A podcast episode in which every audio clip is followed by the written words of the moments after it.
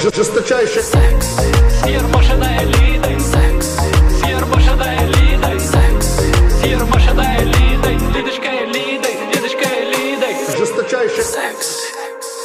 Добрый вечер, мои дорогие радиолюбители! Снова колеблет колебания программа «Секс с Ермошиной Лидой» и ее первый ведущий Рыгор Фекалис. В нашей программе мы знакомимся с новостями уходящей недели с цитатами видных деятелей страны, победившей стабильности. А помогают нам в этом наши постоянные партнеры телеграм-канал газеты «Советская Белоруссия» и авторитетнейшее мировое информационное агентство «Панорама». Сайт panorama.pub. На минувшей неделе у Туркменистане пользователи интернета заставляли клясться на Коране, что они не будут использовать VPN. Мерзавец, слабак, предатель, чмо. Лукашенко прокомментировал согласие Николаса Мадура на переговоры с Хуаном Гуайдо. В ходе так называемого диалога с Лукашенко Александр Григорьевич открыл некоторые подробности нападения на дом лидера ЛГБП Олега Гайдукевича. У ту ночь Гайдукевич Олег приполз ко мне на коленях, весь у лохмотьях с ожогами. От него пахло гарью, сказал Лукашенко.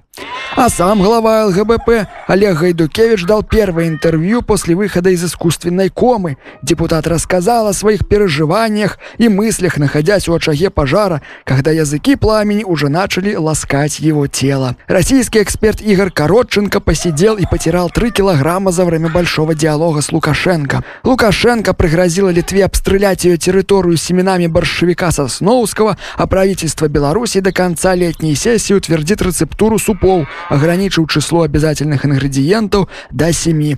И это еще не все, остальные новости подробнее далее в программе. Сказочно. Я батя. Я батя. Ты, я, мы по батя. Я, мы по батя. Я батя. Я батя. Ты, я, мы по батя. Я, мы по батя. Как мы говорили на прошлой неделе, мы пристально следили за большим диалогом с Лукашенко. Много было всяких интересных вопросов, скандалов, откровений. Однако мировые и не только СМИ упустили из виду главный Александр Григорович. Прямо в ходе диалога занялся Евгеникой. Да, наши эксперты считают, что это начало плана по введению идеального человека-патриота. У прямом эфире, прямо у прямом эфире была предпринята попытка скрестить самого известного бэбифейса страны Григория Азаронка с экспертом по вынесению диагнозов по фотографиям из соцсетей Аленой Диодиной. Слушаем. Ты уже настолько увязла в ябатьке в эти, что же другой быть не может. Совершенно искренне. Александр. Да, я, я это вижу. И видел тебя на экране, когда ты еще не здесь была, а там не боялась. И ты нашла свое место здесь. Замужем? Нет, насколько я Как знаю. так да? нет? Ну, Гриша, пока что.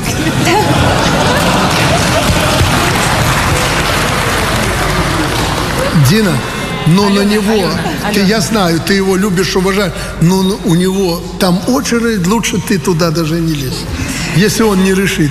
Гриша у нас это все. А один там что-то наговорил, вторая заключение сделала с точки зрения психологии.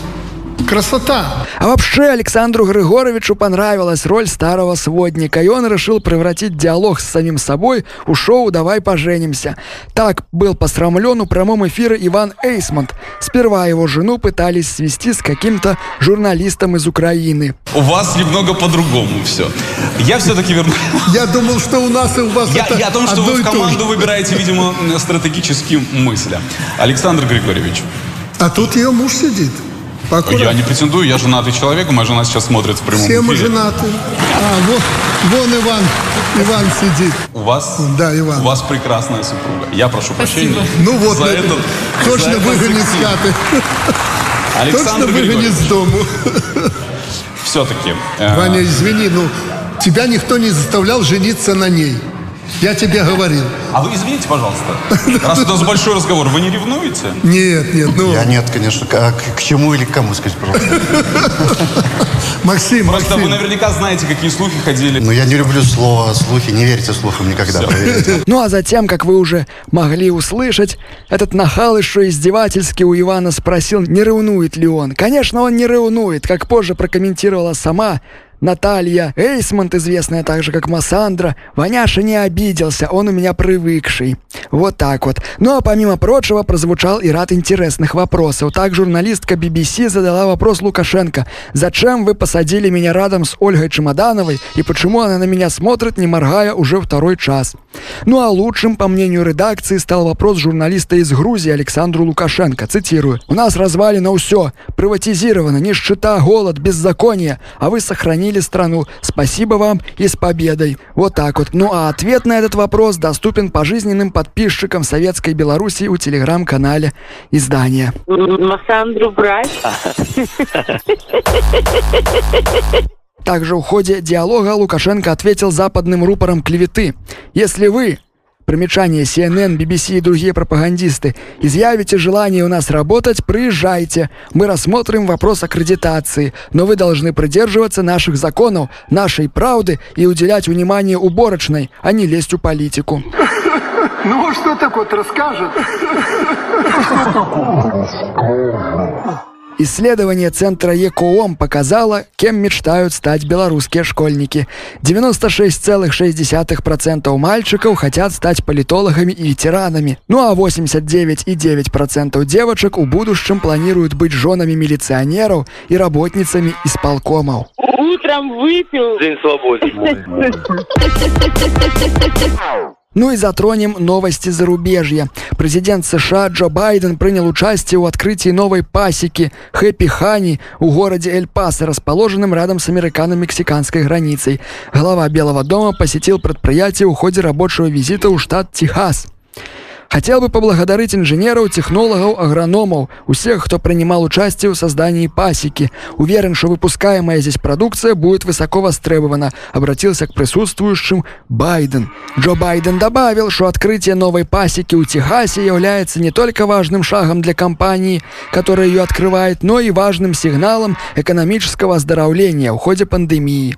С видеообращением обратился и президент Мексики Андрес Мануэль Лопес Обрадор, который отметил, что США является одним из важнейших торговых партнеров его страны.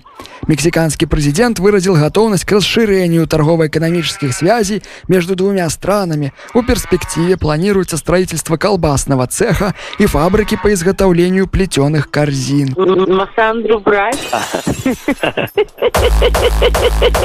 Снова в новостях прозвучало имя бывшего начальника ГИБДД по Ставропольскому краю Алексея Сафонова. Ранее мы уже сообщали, что найденный у него дома золотой унитаз оказался наградным. На этой же неделе Сафонов объяснил следствию, что деньги на свой дворец он брал из волшебной тумбочки, которая была обнаружена в ходе обысков у его особняке. Об этом сообщают российские федеральные СМИ.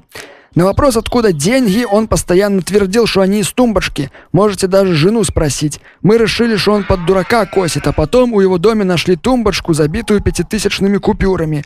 Достали из нее все, пересчитали, опечатали, а через неделю из нее опять красные купюры лезут, рассказал майор Борис Светлаков. В результате следственного эксперимента было выявлено, что каждое утро у тумбочки необъяснимым способом материализуются две ничем не отличающиеся от настоящих, обладающие уникальными номерами купюры номиналом у 5000 рублей. Так как объем выпускаемых тумбочкой средств сошелся со стоимостью недвижимости Сафонова, обвинения в получении взяток с него были сняты. Однако он не будет освобожден. На Сафонова заведено новое уголовное дело о незадекларированном источнике доходов. Ну, что такое расскажет?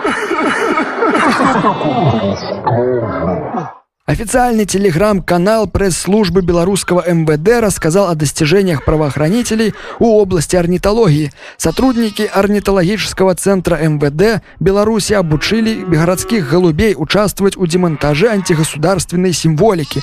Первая группа сизых патриотов уже вылетела у неблагополучные микрорайоны столицы ликвидировать бело-красно-белые ленточки.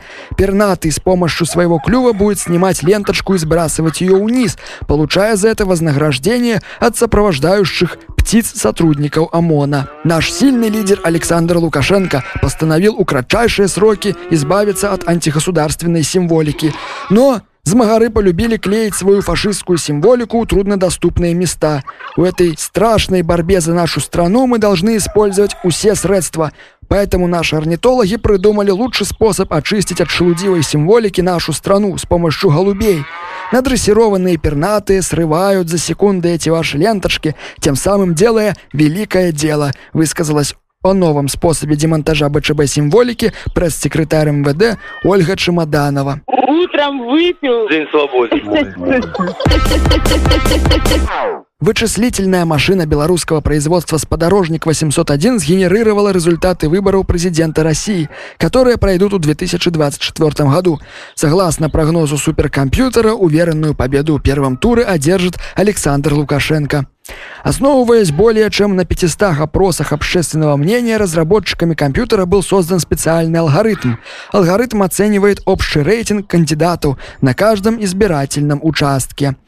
Этот рейтинг основывается на желаниях граждан России, желание процветания, богатства, мира, стабильности, крепкой президентской руки, парадка, а также потребность у льготах для незащищенных слоев населения. Это основные параметры, исходя из которых формируется общий рейтинг. Посчитав его на каждом избирательном участке, суперкомпьютер пришел к выводу, что у первом туре у случая участия в выборах победу одержит Александр Лукашенко, набрав 52,59% голосов избирателей. Владимир Путин получит чуть больше 37, Владимир Жириновский почти 5,5, остальные кандидаты у сумме не наберут и 1%. Против у всех проголосуют 4% граждан. Также, по мнению суперкомпьютера, в ходе избирательной кампании несколько непопулярных у россиян политиков не будут допущены к участию в голосовании из-за уголовных дел. Ну, а что так вот расскажет? И к непопулярным политикам Следственный комитет России возбудил уголовное дело в отношении Алексея Навального. Политика обвиняют в том, что он, зная о грядущем лишении свободы в случае прибытия в Россию, умышленно вернулся на родину, чтобы пребывать у колонии и тратить на свое содержание средства налогоплательщиков.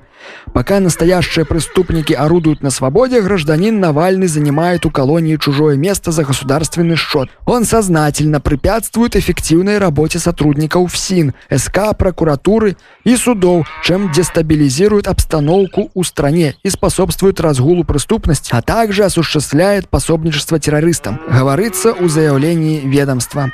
УСК добавили, что в связи с новым уголовным делом государственный обвинитель будет просить о продлении срока пребывания Навального у колонии на 5 лет. Утром выпил. День свободы. К новостям культуры. У Санкт-Петербургском городском суде вынесли приговор 51-летней Валентине Перовой, работающей смотрительницей у музея Фаберже. Как сообщает следствие, женщина на протяжении нескольких лет накануне Пасхи оставалась на работе на ночь и красила экспонаты у различные цвета. Попалась же она, когда случайно разбила одно из содержащихся у коллекции музея яиц и попыталась заменить его на куриное. «Я свою вину не признаю. Делаешь добро, значит, красишь яйца, чтобы отпугивать всяких злых духов от нашей коллекции, а тебя еще и осуждают. Что за дела, товарищи? Не, мы будем во что бы то ни стало добиваться смягчения приговора. Может, если бы не я, их все давно бы выкрали и у Америку тайными путями продали высказала свое возмущение Валентина. Согласно раду источников, нанесенный ущерб превышает несколько миллионов долларов. В связи с этим суд уже арестовал однокомнатную квартиру и 13 кошек осужденной. Ну, а что так вот расскажет? Ну, раз начали мы с Александра Егорыча, значит, закончим мы Александром Егорычем. Лукашенко пообещал вернуть взятые у России кредиты после того, как российские олигархи вернут все, что украли у народа. Когда российские олигархи вернут российскому народу все, что они у него украли, до последней копейки, за нами дело не заржавеет. Мы же не против вернуть то, что взяли, но вы сначала разберитесь со своими олигархами. Они годами обворовывали народ, но с них вы же не требуете возврата. А после мы уже как-нибудь решим этот вопрос, заявил Лукашенко. Ранее Лукашенко попросил Россию предоставить стране новый кредит через Евразийский банк развития. Ну, как всегда, Александр Егорыч бесконечно хитер. Ну а на этой новости я вынужден с вами попрощаться, мои дорогие. До новых встреч уже через неделю.